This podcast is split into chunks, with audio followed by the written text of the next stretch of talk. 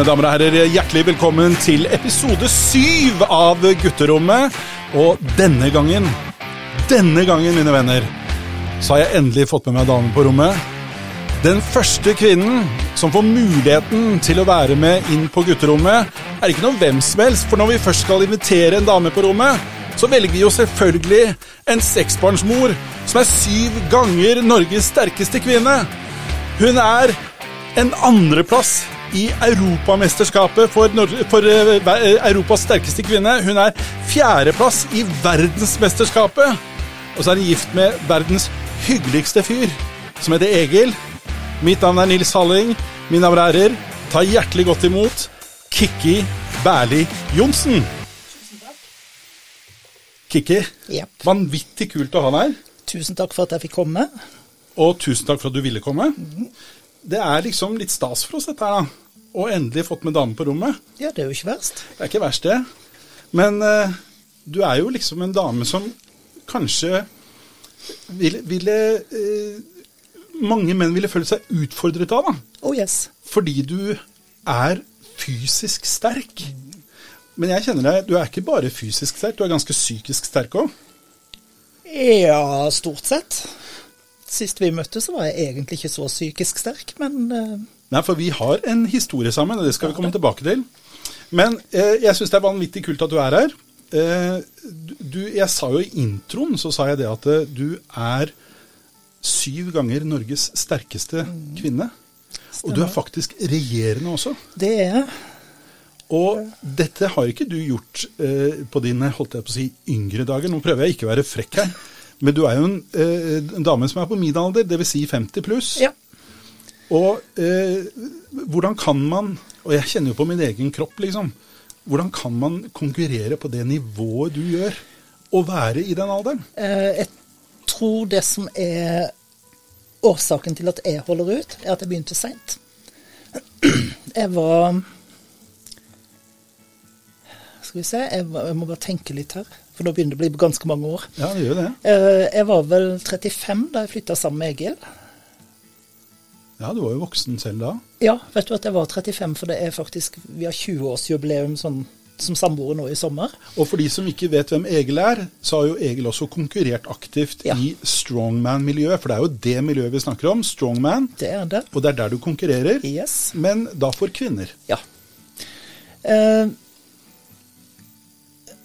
nå må du gjenta spørsmålet, for nå slo alderen til. vet du, sånn Ja, ikke sant? Senior moment. Hvordan klarer man Jo. å opprettholde det aktivitetsnivået i din alder? Eh, jeg begynte å konkurrere innen innen strongman, vi sier det. Det er det letteste. Eh, da jeg var 37.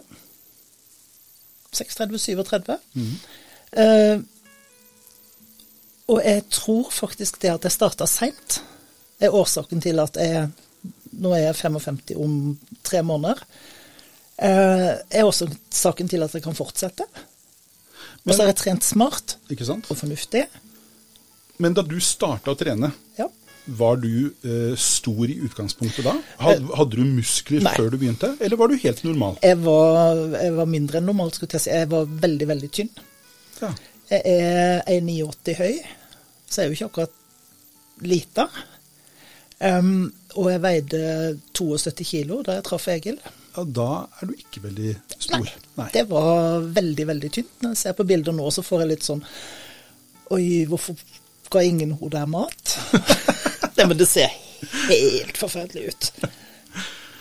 Det, Men jeg syns jo det er, det er jo helt en fantastisk historie eh, at du i eh, allerede da så voksen alder bestemte deg for at du ville konkurrere. Hva var ambisjonene dine da, den gangen, når du begynte? Da jeg begynte, så var ambisjonene å holde en nyoperert rygg frisk. Ja. Um, jeg hadde ingen Overhodet ingen fascinasjon av styrke. Nei? Det var liksom Det ga meg ingenting. Så, jeg hadde prøvd et styrkerom en gang da jeg på, tok tek teknisk tegning sånn tidlig i 20-åra. Og det var ikke min greie. Um, og så starta jeg med styrkeløft. Styrkeløft var OK, men ikke liksom en sånn ting for meg. Og så oppdaga jeg at uh, det fantes noe som heter Strong Woman. Jeg visste jo om Strongman. For jeg bodde i Kristiansand, og Sven Karlsen, som vant Verdens sterkeste mann i 2001, han var tilfeldigvis naboen min. Eh, så jeg visste jo at det fantes sånn kul sport for mannfolk, men jeg visste ikke at det fantes for oss. Så jeg oppdaga tilfeldig på et eller annet forum på nett at det var kvinner som holdt på med det her. Så Egil kom hjem fra jobb, så var det du, Egil, det her skal jeg prøve. Jeg, Og, og når du da prøvde det, fikk du en eller annen effekt av treningen som gjorde at du øh, følte deg vel? Fikk du mestringsfølelse? Ehm, det første han kom hjem med, var to jerrykanner. Ok. For at jeg skulle ha de som Farmers. Far, det, må, du, det må du forklare. Farmers. Farmers, er, farmers Walk er Du går med to koffertlignende elementer i hendene. Gjerne så tunge som mulig, og skal gå stort sett en gitt distanse så fort som mulig. Ja. Eh, Egil var veldig snill og kom hjem med to jerrykanner i metall med sånn skarp kant inni håndtaket, vet du. Var det noe oppi dem? Ja, han fylte de med sand. Ja. Bare for å være hyggelig? Ja. Ja. Eh, og det resulterte jo i sår i håndflatene. Ja. Så det var ikke noe gøy. Men du gikk ganske mye med det, vil jeg tro, da? Eh, en stund. Ja. Men så oppdaga jeg jo at det fantes dekkvelt. ja. Så det fortalte han òg en kveld at du, jeg har lyst til å velte dekk. Og dagen etter så kom han hjem med dekk. Han kom hjem med et stort traktordekk. Klarte du det første Ja, gangen? og da, det, det var det som frelste meg. Altså, Fordi Egil har vist meg hvordan eh, jeg skal velte, Ja. og det er jo mye teknikk i det. ja, det er det. Det er ikke bare rå styrke, det er Nei. jo teknikk òg. Jeg hadde vondt i absolutt hele meg etterpå. Ja. Jeg tror ikke jeg hadde en muskel som ikke gjorde vondt. Eh, Men jeg har satt i de aller fleste intervjuer og sånt som jeg har gjort, så har jeg sagt at det var kjærlighet ved første velt. Og det er Det er egentlig sant. Ja. For da var det sånn Det var en sånn eh, syk tilfredsstillelse av å være i stand til å velte det bakdekket på traktoren som du har sett så mange ganger. Så Det er ganske stort. ja. Eh, og det, jeg vet ikke om folk er klar over hvor mye et sånt traktordekk veier, men det er jo mm, fort et par hundre kilo, er ja, det? ja. Og det er jo et lettdekk. Ja, ikke sant? Ja. Fordi nå har du jo beveget deg litt vekk fra traktordekk. Ja. Hva driver du løfter på nå av sånne type dekk? Eh, Det jeg driver og trener på nå, veier 360 kilo. Og da snakker vi type dumperdekk, gjør vi ikke Da snakker vi et lite dumperdekk, ja. Ja, fantastisk. Jeg, jeg blir jo veldig fascinert av eh, det, det, det at du begynte såpass tidlig, Kikki. Eh, eller såpass sent, men at du da eh, starta helt på scratch. At ikke du hadde noen ting fra før av. Eh, hvor lang tid tok det før du begynte å merke resultater, og at kroppen utvikla seg? Det er jeg faktisk litt usikker på. Det tenkte jeg på her forleden. Um, jeg husker altså at jeg begynte å se endringer. Det begynte å bli litt muskulatur. Det ble litt mer former enn bare en sånn rett opp og ned 72 kilo. Um, men jeg husker ikke hvor lang tid det tok. Um, jeg har alltid vært skulle jeg si, sjølhjulpen. Uh, så jeg har alltid vært sterk. På en sånn, altså, jeg har ikke vært redd for å ta, ta i. Nei. Um, Det er nok en bra forutsetning, Ja. tenker jeg da. Altså, jeg er oppvokst Jeg er oppvokst med motorsykler og i et motorsykkelverksted. Jeg har liksom hjulpet pappa opp igjennom. um, jeg er jo oppvokst på landet med bønder som var Eller besteforeldre som var bønder. Så jeg har aldri, det, det har aldri vært den der at nei, men jenter kan ikke. Pluss at jeg var den eneste jenta der jeg vokste opp. Så jeg vokste opp med bare gutter. Ja. Og dermed så har jo ikke jeg hatt den der eh, Nei, jeg kan ikke. Får ikke til. For jeg har jo gjort det samme som gutta. Og lykkes. Eh, Det kan diskuteres. Ja, Mer eller mindre. Ja.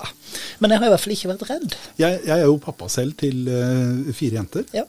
Uh, og uh, jeg tenker sånn at det er ingenting de ikke kan få til. Nei. Alt er mulig. Ja.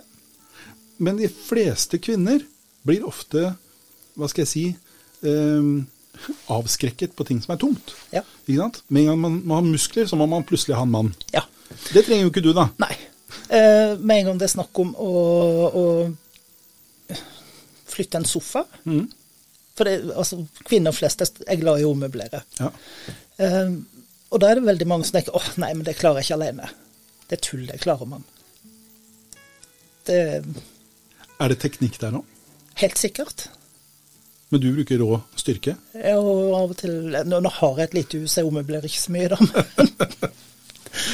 Men, Men det er veldig, veldig artig. Når begynte du å konkurrere seriøst, da? For du begynte i en alder av 37. eh, jeg tror jeg må rette meg Altså, jeg tror jeg var 36, for jeg ble mamma da jeg var 37. Ja. Midt oppi det. Ja. Eh, og før jeg ble gravid med henne, så hadde jeg gjort noen konkurranser, bare lokalt. Småkonkurranser. Likte det ikke i det hele tatt. Likte ikke å konkurrere. Nei. Um, Men var det strongman-konkurranser? Mm. det var det. Og så Vilja ble født i mai i 2006, og så deltok jeg i Norges sterkeste kvinne i desember 2006. Det var første sånn alvorlige konkurransen min. Mm. Um, og kom på andreplass. Det var ikke verst, da. Nei.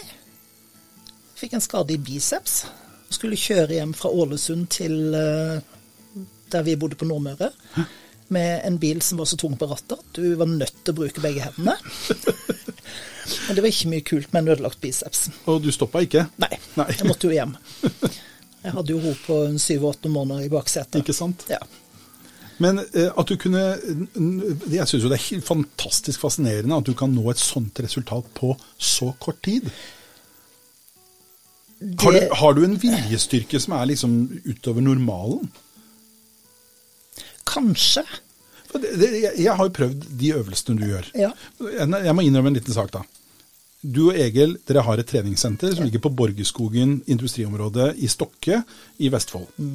Eh, og jeg eh, er en av de som også trener Jeg skal ikke si jeg trener der. Jeg frekventerer, ikke sant? Innimellom. Eh, og da treffer jeg på deg innimellom, og dere har et eget rom som er eh, bare eh, Eller stort sett bare strongman-ting. Eh, og jeg har jo prøvd meg litt. Prøvd meg på Farmers Walk, og eh, de atlaskulene har jeg bare gitt opp. Men eh, jeg ser jo det at dette her, det, er jo smertefullt, eh, Kiki. Ja og nei. Det er Det er smertefullt hvis du er teknisk dårlig. Du må, være tek, altså du, du må jobbe teknikk. Um, du må Altså, du nevnte Atlasstein. Uh, du må være villig til at det gjør vondt på underarmene. underarmene. Selvfølgelig. Du Fordi skal- du vipper den jo det, For de som ikke vet det, så er det en veldig stor, rund betongstein Ja. som veier da veldig mye. Ja. Og som man skal løfte fra bakken, så den er litt sånn uhåndterlig, for den er helt rund. Og så skal man da få den opp i en viss høyde og oppå et bord. Stemmer. Det er øvelsen. Ja, og så blir de tyngre og tyngre. Ja. ja. Uh, og det er jo altså Vi går jo rundt Hvis ikke vi bruker en eller annen form for beskyttelse på underarmene, så går vi jo rundt med sår og blåmerker og Veldig feminint. Veldig Ja. Eh, men jeg tenker jo ikke på treninga mi som vond. Altså, treninga mi er tung. Eh, den er mentalt krevende i perioder. ja. Eh, ikke så krevende når jeg er motivert. Akkurat nå er jeg i en veldig motivert periode. Nå er det bare gøy. Ja, så bra. Nå er det mer sånn Det er mer mentalt krevende å ikke trene. Men blir du motivert av å få gode resultater? For du er jo regjerende norgesmester. Er det bidragsyter til at du blir motivert? Ja, og så blir jeg veldig motivert når jeg har en konkurranse i sikte. Jeg er veldig, veldig Jeg har gått fra å ikke like til å, å like å konkurrere, til å synes konkurranseoppkjøring og konkurranse er noe av det beste i hele verden. Og hva er det du trener opp til nå? Nå trener jeg meg først opp til en kvalik til Europas sterkeste, Ja. som jeg skal gjøre nå. Kvaliken åpner i dag, så i løpet av de neste seks ukene må jeg ha levert inn tre gode løft. Ehm, og da håper jeg jo å komme topp ti, så jeg kommer med på EM i august. Og det er ganske fantastisk. Hvor mange ganger har du vært med i EM? Eh, jeg lurer på om jeg har vært med tre ganger. Og beste plasseringen du har, nå må jeg se på papirene mine her, det er en andreplass. Ja, jeg sa først tredje, men jeg har faktisk glemt at i 2014 kom jeg på andreplass. Det er jo helt vanvittig imponerende at du er den nest sterkeste kvinnen i Europa. Ja. Hva, hva gjør det med deg sånn mentalt å vite det? Jeg tenker veldig lite på det sånn i det daglige. Eh, for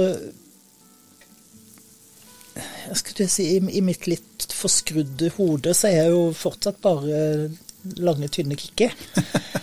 um, som av og til står med et sylteglass og tenker at jeg får ikke opp, og så gir det til Egil. Og så får jeg det tilbake igjen. Det klarer du sjøl. um,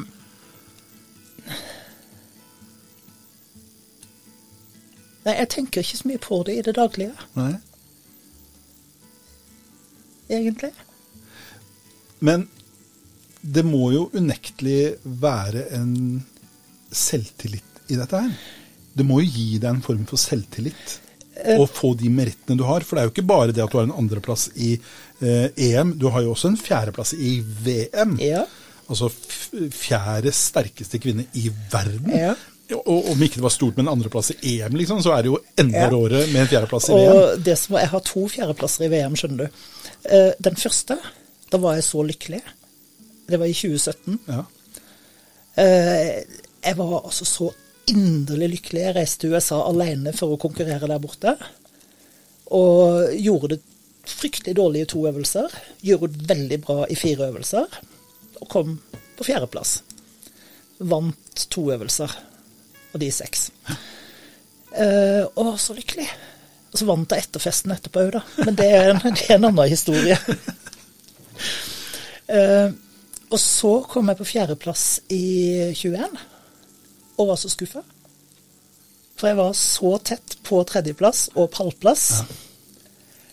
Uh, og brukte lang tid på, altså vi snakker om flere uker, på å akseptere at jeg faktisk er ganske ok. Var det sånn at du var på nippen til å bare droppe hele greiene? Nei, ikke da. Nei? Um, men liksom den å vite at hvis jeg hadde vært Jeg har regnet på det her. Jeg har sittet og gått gjennom det her så til de grader. Uh, hvis jeg hadde dratt markløften, den siste stanga på markløften, litt kjappere, liksom to sekunder kjappere, så hadde jeg vært på tredjeplass. Hadde jeg fått den siste sandsekken over den firemeterstanga jeg skulle kaste den over, så hadde jeg vært på tredjeplass. Det er små marginer ute og går. Hadde jeg tatt begge de to, så hadde jeg vært på andreplass. Det er jo helt fantastisk. Ja. Så, Men det må jo være motiverende i seg selv. Å vite at det egentlig er ikke så veldig mye som skal til. Ja. Og så kan jeg sitte her nå i min enkelhet og si at det er ikke så mye som skal til. Ja. Men jeg har sett deg trene. Og så vet jeg det, hvis du skal klare å få til de små marginene der, den finjusteringen som skal til for å gå opp én plassering i f.eks. VM, så ligger det hundrevis av timer ja, med trening bak. det gjør det. Og du trener jo eh, ekstremt intensivt. Ja. Det er eh, eh, Jeg blir veldig fascinert av å se det. Du, du er veldig flink til å legge ut en del ting på sosiale medier. Mm. Så de som ikke har sett dette her, de kan jo søke deg opp på sosiale medier. Ja da. Eh, og da vil de jo få se en del av de filmene du legger ut av hvordan du trener. Mm. Eh, og jeg finner det ekstremt eh, fascinerende. Ikke nødvendigvis inspirerende, for jeg, jeg har ikke lyst til å gjøre det samme. For det Nei. ser vanvittig smertefullt ut. ja, det er ikke det. Men jeg skjønner hva du mener. Men, men ja, jeg legger veldig mange timer ned. Um, jeg trener ikke så mye som folk tror at jeg gjør. Hvor ofte trener du? Jeg trener fire til fem dager i uka. Ja. eh, styrke. Og hvor mange timer i slengen da? Det ender fort opp på mellom to og tre timer om dagen. Ja. Eh, men jeg trener òg tre til fire kardioøkter i uka. Så jeg trener jo hver dag. Eh, jeg er på gymmet hver eneste dag. Så, um, så det blir jo en del timer. Det blir en del timer. Ja. Men jeg tror jo, jeg- eller jeg vil jo innbille meg også at du bidrar til å inspirere andre som også går på gymmen. Det gjør jeg visst. Fordi du har jo en av dine argeste konkurrenter, er jo eh, også eh, på samme gymmen. Ja. eh, og tidligere norgesmester. Ja. Ja. Så dere, dere har jo skapt et miljø på Borgerskogen, dere. Vi har et veldig, veldig fint miljø. Um, som etter hvert har blitt så veldig mye mer enn bare strongman. Så der har vi nå crossfit, og crossfit er inspirerende for min del. Det er ganske tøft. Jeg blir faktisk mer inspirert av, av det folka gjør inne i boksen, enn å se mine jeg skal si, medkonkurrenter se det de holder på med. Men hvordan fungerer crossfit for deg som er muskuløs? da? Jeg har prøvd litt. Er det tungt? Um, og crossfit er mye farligere enn strongman. Det er farligere. Yes, det er jeg helt sikker på. For jeg har prøvd uh, wallwalks, f.eks. Altså gå opp etter veggen. Aha. Og det resulterte i at jeg fikk forbud av Egil. At dette gjør du ikke igjen, fordi jeg klarte ikke å gå ned igjen. Oi. Så jeg bare datt. Kan du forklare hvordan dette gjøres? Eh, Da skal du opp på hendene. Ja. Så skal du liksom gå på hendene opp etter veggen til du står på, På hendene, hendene. opp mot veggen. Ja. Eh, Jeg har funnet ut at inni meg, inni mine 189 cm, så bor det et veldig lite menneske. Hvor toppen på det, hodet på det mennesket er ca. navlehøyde på meg. Ok. Så når jeg da ender opp opp ned, så for det her stakkars lille mennesket får høydeskrekk. Ikke sant? Ja. Og eh, vi, nå skal vi, For de som ikke kjenner deg, så skal vi eh, ta et bilde etterpå eh, og legge ut på eh, gutterommets eh, Facebook-side. Eh, du er eh, høyere enn meg, ja. eh, og du er eh, mye mer muskuløs eh, enn meg også. Eh, jeg har mye mer fett enn deg, det kan jeg skryte av, da. Men, men til gjengjeld så eh, Jeg forstår jo hvorfor Egil sier at dette her skal ikke du drive med. ja. Det forstår jeg. Gjør Egil det selv? Egil trener crossfit. Han gjør det? Ja. Det er jo imponerende, det òg, da. Ja. For han er jo også en svær kar. ja, men han, er- han har krympa. Han har det? Ja, han har gått ned ganske mye. Han ble veldig syk etter korona. Ja. Eh, og etter det så har han endra litt eh, livsstil og kosthold. Ja. Så han ser veldig bra ut akkurat nå. Så bra. Ja. Du sa det med litt sånn forelskelse i stemmen, hørte jeg. ja, men jeg er litt forelska i han. Spesielt nå som han ikke er hjemme denne uka. Men dere to har et helt fantastisk forhold. Og jeg har jo også lagt merke til at Egil er eh, ikke bare din største fan. Han er vel kanskje også en eh, form for trener for deg i det daglige? Akkurat nå så er han faktisk treneren min. Eh, der har vi Han har vært treneren min før, og da har vi bare krangla. Så det funka dårlig tidligere? Det funka dårlig. Det blir litt som å øvelseskjøre med, med barn og sånt. Det er Ja. ikke alltid det fungerer veldig fint. Nei, det, har jeg, det kan jeg alt om. Ja, det vil jeg tro med fire døtre, så Absolutt. yes. Jeg kan ikke øvelseskjøre med mine unger. Nei. Eh, så det, det, det var ikke helt vellykka i begynnelsen. Så har jeg nå hatt flere forskjellige utenlandske coacher. Uh, Sistemann hadde jeg nå i Jeg tror han trente meg i fire år. Kjempefyr. Eh, så gjorde jeg et veldig dårlig VM i eh, november i fjor. Mm. Vi var maks uheldige og kom midt inn i en orkan i eh, Florida. Uff da. Så begynnelsen på konkurranse, liksom konkurranseuka, det var å sitte innesperra på et hotellrom Ja, mens det, det, blåste orkan. det er ikke noe særlig. Nei. Så jeg kom på 13.-plass. Ja. Riktignok den best plasserte nordmannen, men i mitt hode så er det forferdelig dårlig. I hvert fall når du sitter med en fjerdeplass fra før. Ja. Eh, Så jeg mista litt motivasjon og alt sånt etterpå. Så fant jeg ut at jeg trengte å trene litt annerledes. Og den skjønte ikke helt han coachen som jeg hadde, han skjønte ikke helt behovet mitt for å trene litt annerledes. Mens Egil han var med en gang på liksom med det. Ja, men da kan du gjøre litt crossfit, litt kroppsbygging, masse cardio. Og jeg sånn, ja, det er akkurat det jeg kan. Eh, Så tok Egil over, var meningen han skulle være i over i to måneder, som han skulle trene med. Og så fungerer det så bra. Så bra. Så Men er- hvem er det som har endra seg? Er det du, eller er det Egil? Jeg tror det er en kombinasjon. Ja. Eh, nå er vi i stand til å skille partner- og trenerrolle, Ja. eller partner- og utøverrolle. Eh, For dere har jo egentlig veldig mange roller. ja. Eh, altså, du snakker nå om partner og uh, utøver, men dere uh, driver jo treningssenter Ja. sammen. Eh, dere uh, har barn sammen, Ja. og dere har fosterbarn sammen. Ja. Dere har veldig mange hatter. da. Ja. Og det er jo ganske imponerende at du fremdeles sitter og sier at du er forelska i Egil. ja. Men man er bare heldig av og til. Og det tror jeg du har vært. Ja. Det Så tror, jeg. så tror jeg han har vært det også. Fordi jeg tror kanskje noe av det viktigste er at eh, dere har noen felles plattformer. da. Det tror jeg òg. Samtidig som vi har litt separate plattformer, for det er òg viktig. Mm. Du kan ikke bare gjøre det samme sammen hele tida. Selvfølgelig ikke. Det går ikke. Så, så han har sine interesser på si, og jeg har liksom mitt på si. Så ja. Men eh, eh, du trener for fullt nå.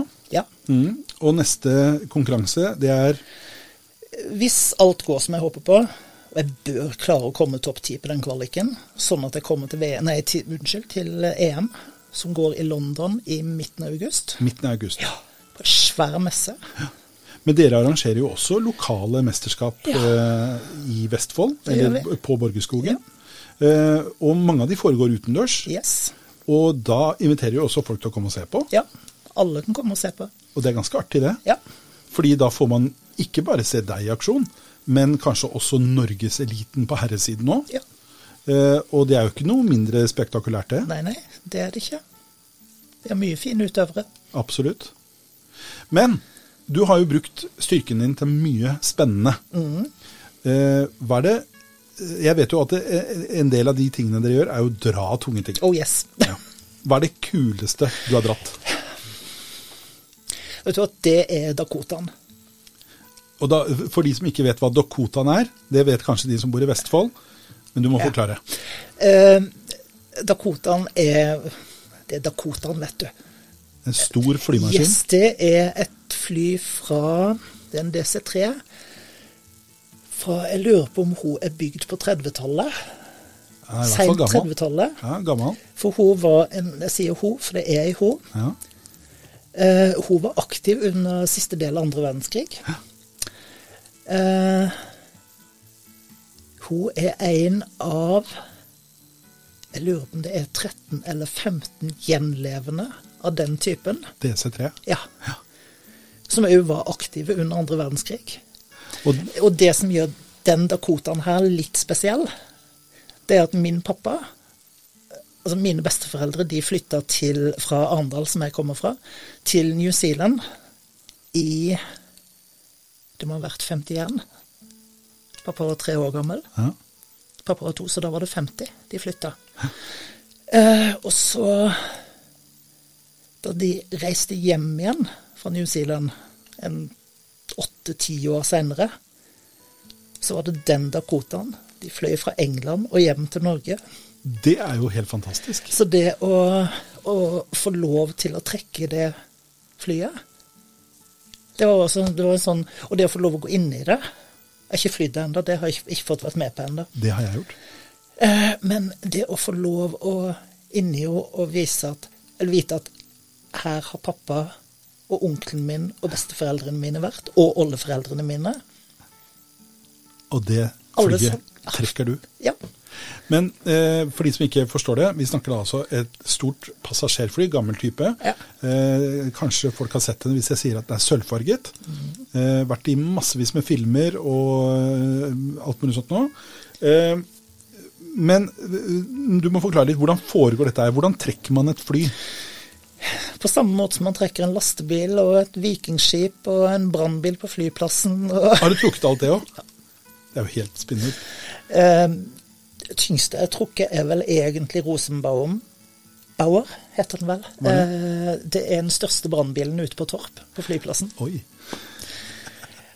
Da jeg stilte meg foran den, så var det liksom Oho, jeg skal trekke den! Yes! Eh, Men da spenner man Vi bruker en, eh, en vanlig slings fra bil, altså taue Ja, taue, tau Stropp, liksom? Ja. Sånn tauestropp? eh, og fester det på et passende punkt foran på det kjøretøyet som jeg skal trekke. Mm.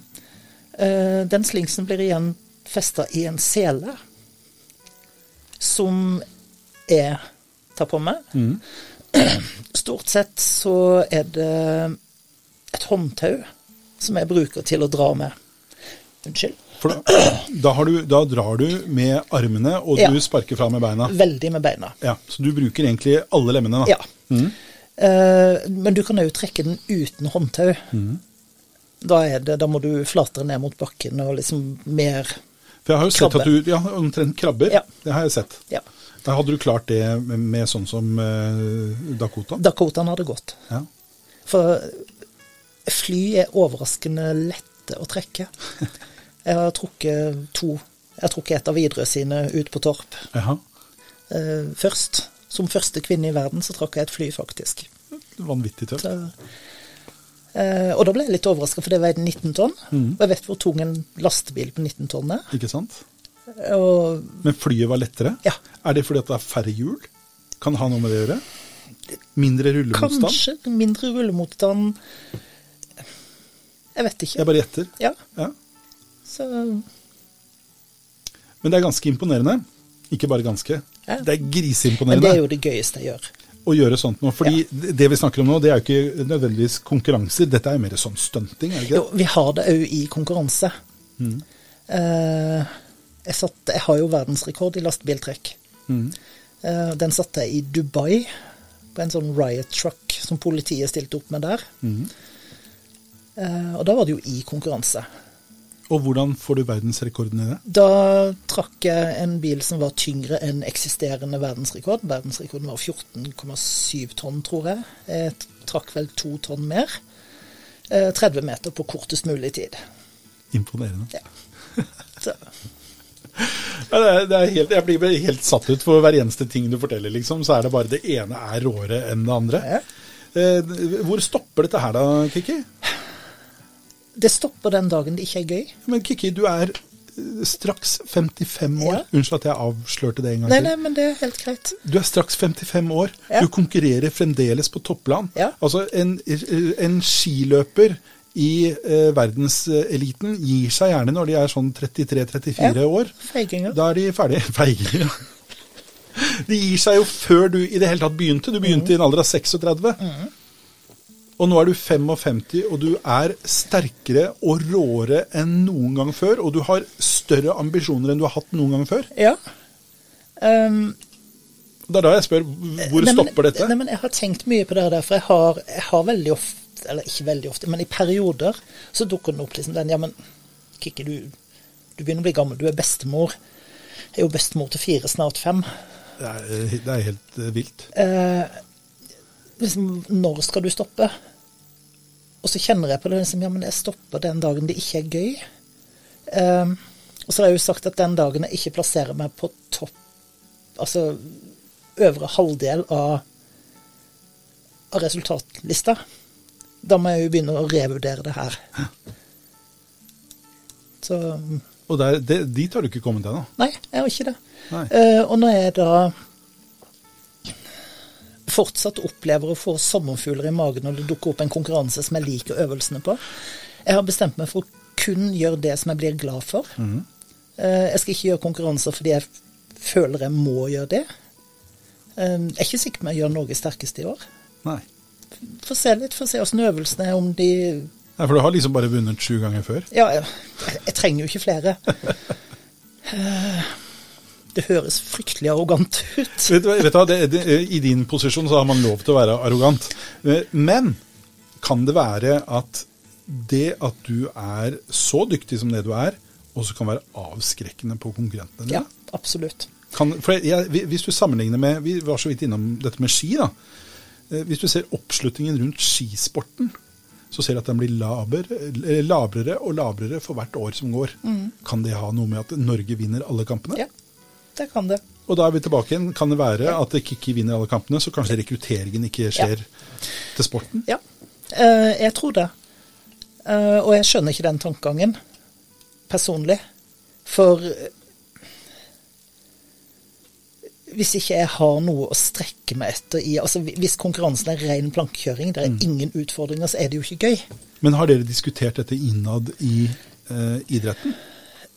I miljøet? Jeg har prøvd å dra i stand diskusjonen. Ja. Eh, For akkurat nå så har vi en litt laber Jeg føler hele sporten er litt laber i Norge. Det, det er litt nedadgående. På, på, på kvinnesiden eller på begge deler? Begge deler. Ja. Um, og jeg klarer ikke helt å finne årsaken. På kvinnesida så tror jeg at den trenden som har vært med å være sterk, er litt dalende igjen. Nå er det litt mer figurfor, figurforming enn å være sterk. Ok. Men tror du det er avgjørende for idretten? Jeg har jo opplevd at uh, kvinnesida har dødd ut før. Ja. Det var jo derfor jeg, altså, da jeg, da jeg slutta å konkurrere i 2008, så var det jo ingen igjen. Altså Vi var to-tre stykk. ja. Og da er det jo ikke noe gøy lenger. Det er ikke noe vits i å konkurrere mot. Nei. Eh, Da jeg deltok igjen i 2012, da det plutselig dukka opp igjen, så var vi jo Det drev jeg og tenkte på før i dag. Tror vi var 16. Ja. Og da blir det litt konkurranse. Ja. Så, og nå i fjor, da jeg vant Norges sterkeste, så var vi tre. Men hva kan man gjøre for å øke rekrutteringen til idretten? da?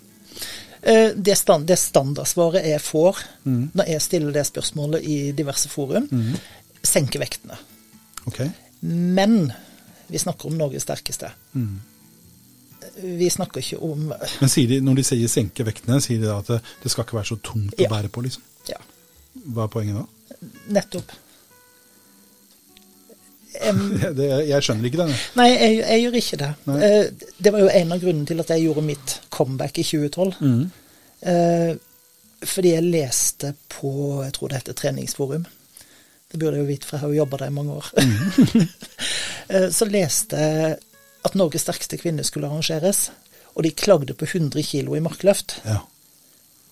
Og da hadde ikke jeg trent strongman siden jeg hadde vært innom og velta et dekk en gang iblant sånn, og løfta en stein fordi vi hadde det. Men jeg hadde ikke trent spesifikt. Jeg hadde hatt lange perioder hvor jeg ikke trente. Så jeg fant ut at jeg må, må jo bevise at det her er jo ikke tungt. Så jeg tror jeg trente i fire-fem uker. Og så gjorde jeg konkurransen og vant. Men du, du må jo ha et spesielt talent for dette her, Kiki. Dette er jo ikke Er det normalt? Kan hvem som helst gjøre det du gjør? Det tror jeg, men jeg tror jeg har vært kanskje genetisk heldig. Jeg vet ikke. Ja, Når du sier genetisk heldig, eh, du, du, du sier jo at du er høy. Ja. Eh, Det er ikke alltid en du- fordel i sporten min. Nei, men eh, har du kraftig kroppsbygning? Har du kraftig beinbygning? Jeg vet ikke, altså jeg har jo ikke noen sånne små pusehender f.eks. Det er jo en fordel. Ja, altså, jeg syns jo det er vanskelig å si om du eh, Du sa selv at du var veldig tynn da Ja. du var ung. Eh, men jeg klarer ikke å se for meg det, fordi i dag så er du en kraftig, eh, flott, sterk dame. Ja. Eh, og jeg kan liksom ikke helt se for meg at du har vært tynn og puslete. Nei, det har jeg. Så jeg tenker kanskje, kanskje du har noe anlegg for dette her, da, som eh, kanskje andre ikke er Ja. Forunt. Men vi snakket jo vidt om en av konkurrentene dine som eh, også trener på samme treningssenter. Mm. Hun har en litt sånn tilsvarende historie, hvor hun begynte i voksen alder og fikk en vanvittig utvikling, og har også endt opp med en tittel i NM. Ja, da. to og to titler. Ja. Uh, Nina hadde vel egentlig holdt på med magedans og litt sånt i forkant. Eh, og så var hun med ei som var innom og trente med oss en liten stund. Hun var med hun på gymmet en gang. Og gjorde Hadde det gøy. altså Det var veldig tydelig hun hadde det gøy på gymmet. Eh, og så slutta hun som hun var med, hun slutta å trene hos oss. Så husker jeg var, gikk i Tønsberg. Jeg hadde vært på Vikingfestivalen i Tønsberg. Mm.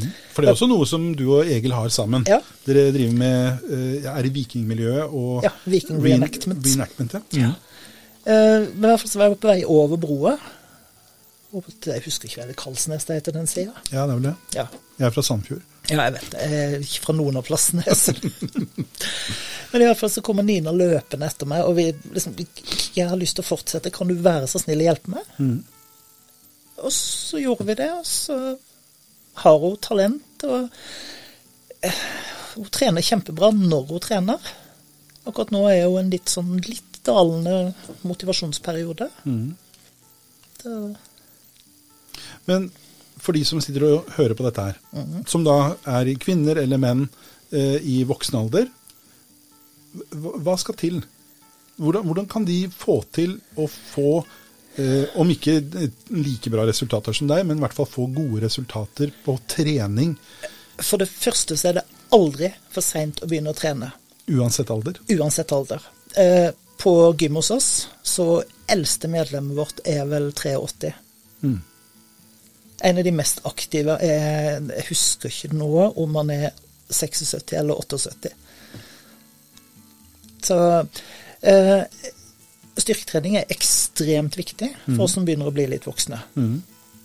Eh, for at vi skal klare å holde oss aktive. Men jeg, jeg har liksom inntrykk av at veldig mange eh, i voksen alder de er mer opptatt av å skal gå ned i vekt. Og da ikke nødvendigvis trene styrke, men de begynner å eh, liksom skal eh, trimme bort fettet. Ja, men det er styrke man trenger. Man trenger kombinasjonen. Vi, vi trenger, altså Fra du er 35 sånn cirka, så minskes muskelmassen i kroppen. Eh, og hvis du skal klare å holde deg oppegående, altså fysisk oppegående, rett i rygg, noenlunde, i stand til å bevege deg, så må du ha muskulatur. Man må jo det. Du, du må trene den. Det, og man, man trenger ikke gjøre som jeg gjorde. Altså, det er ikke veldig mange på 55 som holder på som jeg gjør. Det er vel sannsynligvis bare én, tror jeg. Så eh, jeg tror det er noen mannfolk på min alder som enda holder på. Ja, det kan være. Eh, men altså om, om terskelen til å dra eller terskelen til å dra på et treningssenter er for høy, så får du kjøpt mye fint på Claes Olsson og Jula og alt sånt av hantler og Så mye kan gjøres hjemme. Mye kan gjøres hjemme. Ja. eh, og samtidig komme seg ut og gå tur. Det også er viktig. Klatre i fjellet. Altså, Ja. pappaen min på 75 han tar med seg stavene sine og hodelykta og forsvinner ut i skauen og opp i fjellet hver eneste kveld omtrent. Så bra. Ja. Og da handler det egentlig bare om det å være i aktivitet. Yes. Mm. Så det er det kanskje det viktigste tipset vi kan Det gi? Altså være i aktivitet? Ja. Litt uavhengig av hva slags aktivitet? ja. Eh, og så er treningssentre er ikke farlige. Nei. Eh, de aller fleste som trener, i hvert fall hvis du kommer på et treningssenter sånn som vårt, som ikke er et kjedesenter, så er folk flest hyggelige og tar imot folk. Eh, de smarteste menneskene du kan spørre om hjelp, er de største menneskene. Og jeg har jo, det er som jeg nevnte, jeg, har jo, jeg trener jo også der, og har jo opplevd å uh, være inne i styrkerommet, for det er et eget rom med bare uh, styrketing, eh, apparater, eh, hvor da noen av disse som er vanvittig veltrente og dyktige og har holdt på med det lenge, kommer og sier du, hør her nå, lite tips, hvis du gjør sånn og sånn i stedet, får du bedre effekt, og så er det ikke så slitsomt. Ja. Bare hei, Ja. kjempesmart. Ja. Eh, Så det viser jo litt holdningen. Ja. Eh, Nå kjenner ikke jeg til hvordan det er i eh, alle andre treningssentre, men mitt inntrykk er at dere har klart å skape et miljø på Borgerskogen som er litt uformelt. Ja.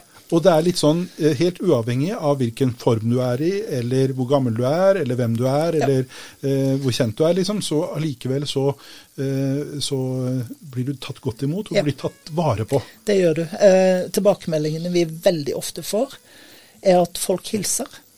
Du kommer inn der, og folk hilser. Mm. De sier hei. Og det, har vi, det forteller vi alle nye medlemmer. At eh, når det kommer folk inn, så vis at du ser dem. Si hei. Du trenger ikke begynne med noe samtale, eller noe sånt nå, men bare liksom et lite smil, et lite vink, sånn at folk føler seg sett.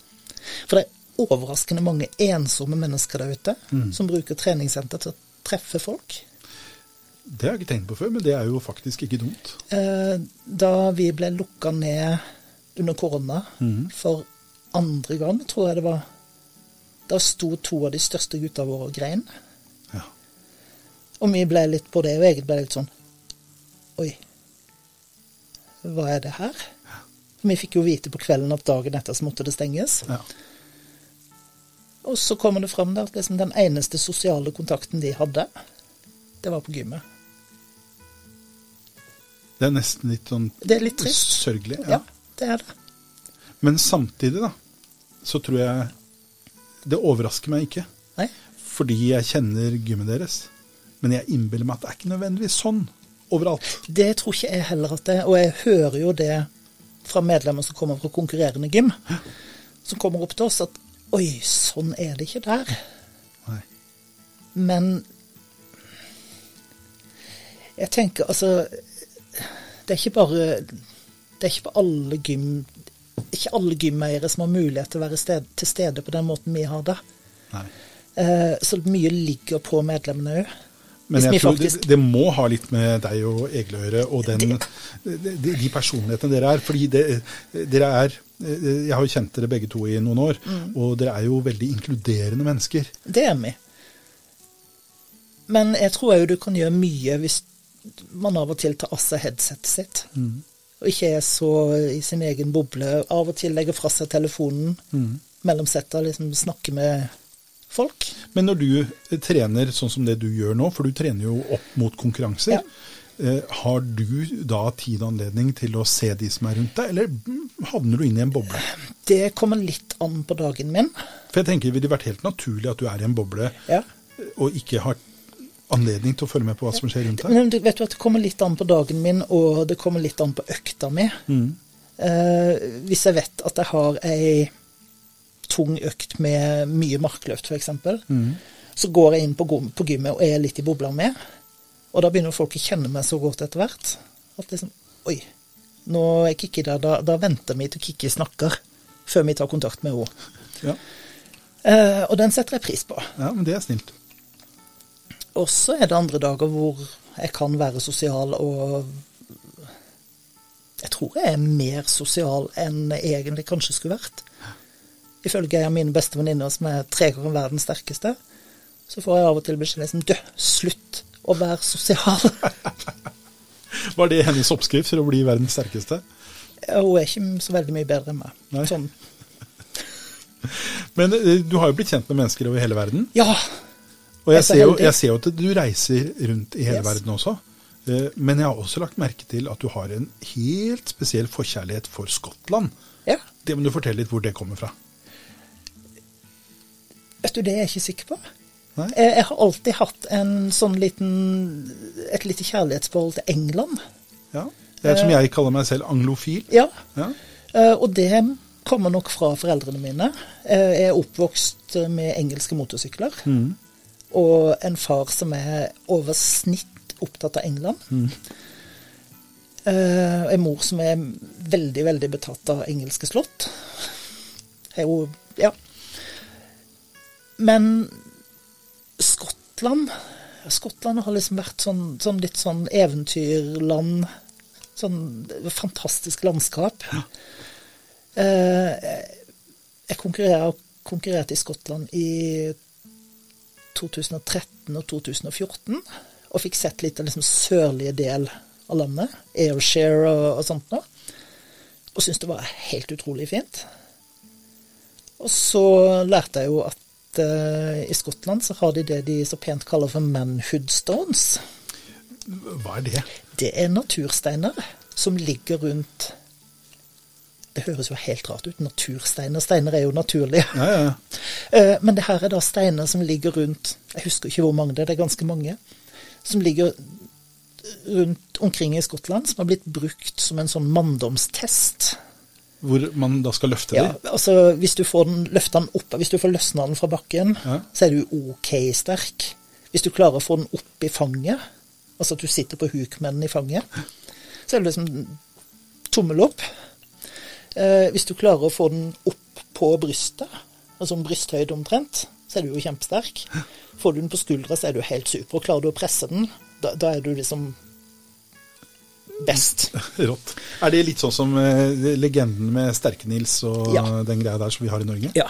Forskjellen er at det her er steiner som beviselig kan løftes. Ja, for det kan man jo ikke nødvendigvis med den steinen der oppe. Eh, men vi var på ferie i Skottland i eh, 2019.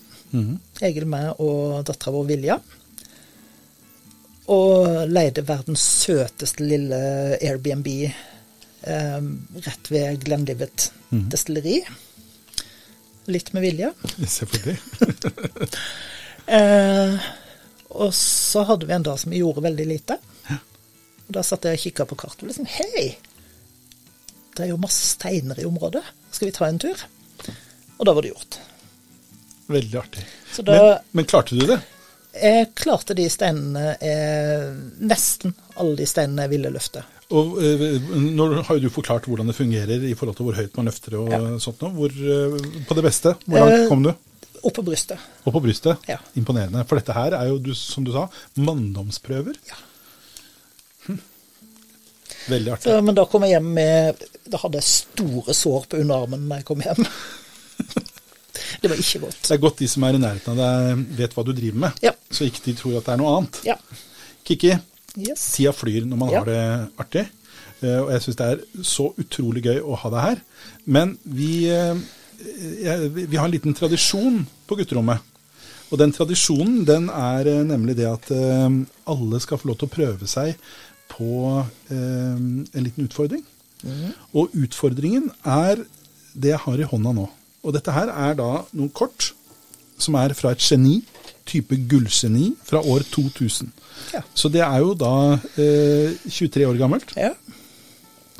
Og det betyr jo da at eh, disse eh, spørsmålene som er her, de eh, er jo eh, fra 80- og 90-tallet. Eh, så det krever jo at man har noen år under beltet for å eh, kunne svare på det. Så utfordringen er at du skal få lov til å trekke to kort, og så skal du gi de til meg uten å se på de. Ja. Og så skal jeg lese skal opp spørsmålene for deg.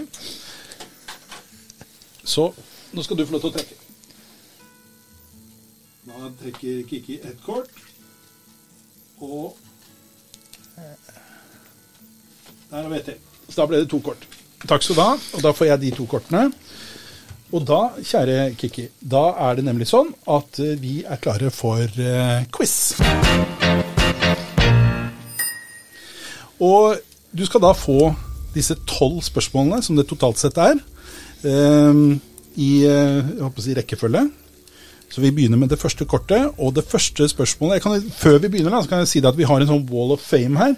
En eh, plakat eh, på siden av meg her, hvor rekorden ble tatt i forrige program, forrige episode, hvor vi da hadde seks rette. Hans Jørgen som klarte seks rette. Så jeg håper jo at du nå kommer ikke bare med din styrke, men også din kvinnelige list, og klarer å slå Hans Jørgen i denne konkurransen. Ja, nå var det som jeg sa, jeg har jo ikke spilt geni siden ca. 2000. Jeg tror dette kommer til å gå kjempebra. Vi begynner. Første spørsmål. Hva er gjennomsnittstykkelsen på ismassen i Antarktis? Det er barne, barnekunnskap. ja, Gjennomsnittstykkelsen. Tre kilometer. Vet du hva? Det var ikke dårlig gjetta, for det er to kilometer. Jeg hadde ikke gjetta i nærheten av det, så jeg var imponert. Men du får dessverre ikke rett på det. Nei. Det ble feil. I hvilke tiår ble det i den vestlige verden vanligere å bruke armbåndsur enn lommeur for herrer? Hvilke tiår? Da tror jeg vi må opp på 40-tallet. Er det ditt endelige svar? Ja, Jeg skulle gjerne gitt deg rett på det, men det var 30-tallet. det var det. Ja. Jeg satt og tenkte 30-tallet. det var imponerende uansett. Vi er så nære her. La oss ta litt idrett, da. Hvem var Vebjørn Rodals argeste konkurrent, men som ikke stilte opp under OL i Atlanta? Jeg har ikke peiling. Jeg husker så vidt Vebjørn Rodal. Ja, jeg hadde ikke klart å svare på det. Wilson Kipketer. Ja. Du har kanskje hørt navnet? Nei. Nei. I år 1926 byttet offisielt denne europeiske storbyen navn fra Konstantinopel til Istanbul. Og da er spørsmålet hvilken storby snakker vi om? Og det er Yes, jeg fikk et poeng. Et poeng. Istanbul. Fantastisk bra. Hvilken søstergruppe har blitt kjent for bl.a. We Are Family?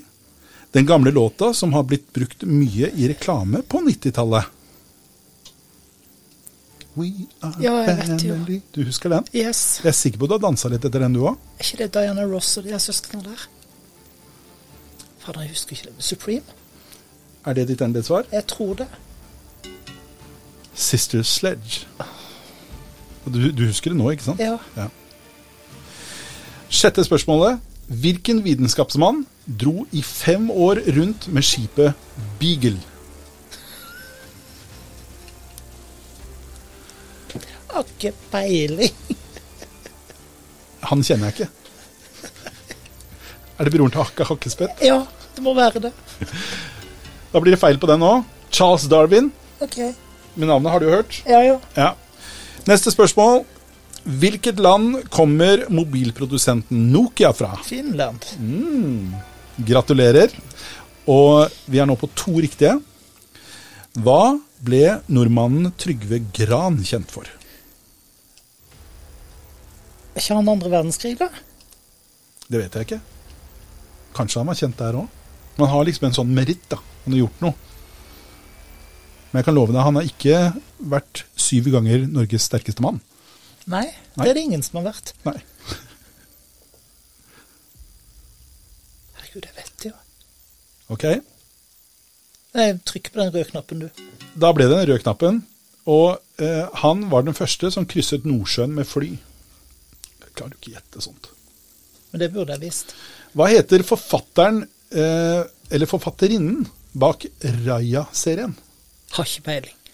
Det er mange som heter det. Da sier vi svaret. Bente Pedersen. Ja, jeg kjenner Ja. ikke serien engang. Mellom hvem var eh, Pelopen... Oi, skal jeg uttale dette her? Eh, Pelopenneskrigen, som pågikk i årene fra 431 til 404 før Kristus. Mellom hvem? Pelopenneskrigen. Kan hende jeg uttaler det feil òg. Er ikke rett. Jeg har jo lært det en gang i tida, vet du. Sannsynligvis. Vi lærte det på skolen. Ja. Men nå må jeg ha et svar. Ja, men det vet jeg ikke. Da blir det feil. Ja, vi holder. Sparta og Aten. Yes. Visste du det? yes. Ja, det? Nå imponerer du meg med enda Faktisk. Jeg, jeg var i det området, men jeg endte opp på de gamle gudene. Men vi har to spørsmål igjen. Du har to riktig. Du kan klare fire. Jeg tror du tar den neste. Hvem av medlemmene i The Beatles synger 'Yellow Submarine'? John Lennon. Er ditt endelige svar? Ja, det var feil. Det er feil. For det var Ringo Starr. Var det det? Ja, det var det. Siste. Er du klar? Ja. Hva kalles en flerårig plante? Staude.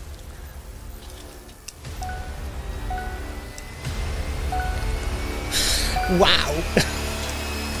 Du, Jeg er så imponert. Tre saftige, deilige poeng ble det til deg, Kikki Berli Johnsen. Og det plasserer deg sånn omtrent midt på lista, eller ganske nøyaktig midt på lista. Eh, og det er ikke dårlig. Det er jo ikke det. Men du vet denne vinnerskallen i meg? ja, Hva sier den nå? Den ble jo fryktelig skuffa. Ble må jeg hjem og finne geni og sitte og terpe. Ok, men jeg håper du blir med en annen gang. At neste gang du er med på gutterommet, så tar du utfordringen en gang til. Så har jeg pugga gullgeni fra 2000. Ikke sant? Det hadde jo vært veldig artig. Kikki, hva er det som motiverer deg? Det motiverer meg å holde meg sterk og oppgående. Eh, Det motiverer meg å vite at eh, Jakob på han nettopp fylt åtte. Eh, At han forteller hele verden at bestanden min er sterkere enn alle du kjenner. Eh, Det motiverer meg å se hva jeg er i stand til. Og jeg blir motivert bare av å høre på deg. Så Kikki, det har vært ufattelig kult å ha deg som gjest på gutterommet. takk for at jeg fikk komme. Og jeg håper at vi får anledning til å snakkes igjen, fordi du har eh, et par-tre andre ting som jeg har veldig lyst til at vi skal ha som tema. Ja. Kanskje vi til og med kan få med oss Egil på et eller annet tidspunkt. Ja. Men det er faktisk sånn da, at eh, alt har en ende, også eh, gutterommet. Så vi er nødt til å avslutte. Tusen takk til alle som hørte på oss. Eh, dere eh, kan eh, se bildet av Kikki, og så skal vi også legge inn noen bilder fra konkurransen hennes, så dere får se litt hva hun gjør. Får dere se på vår Facebook-side. Eh, vi høres igjen om nøyaktig en uke. Mitt navn er Nils Saling. Ha det bra så lenge.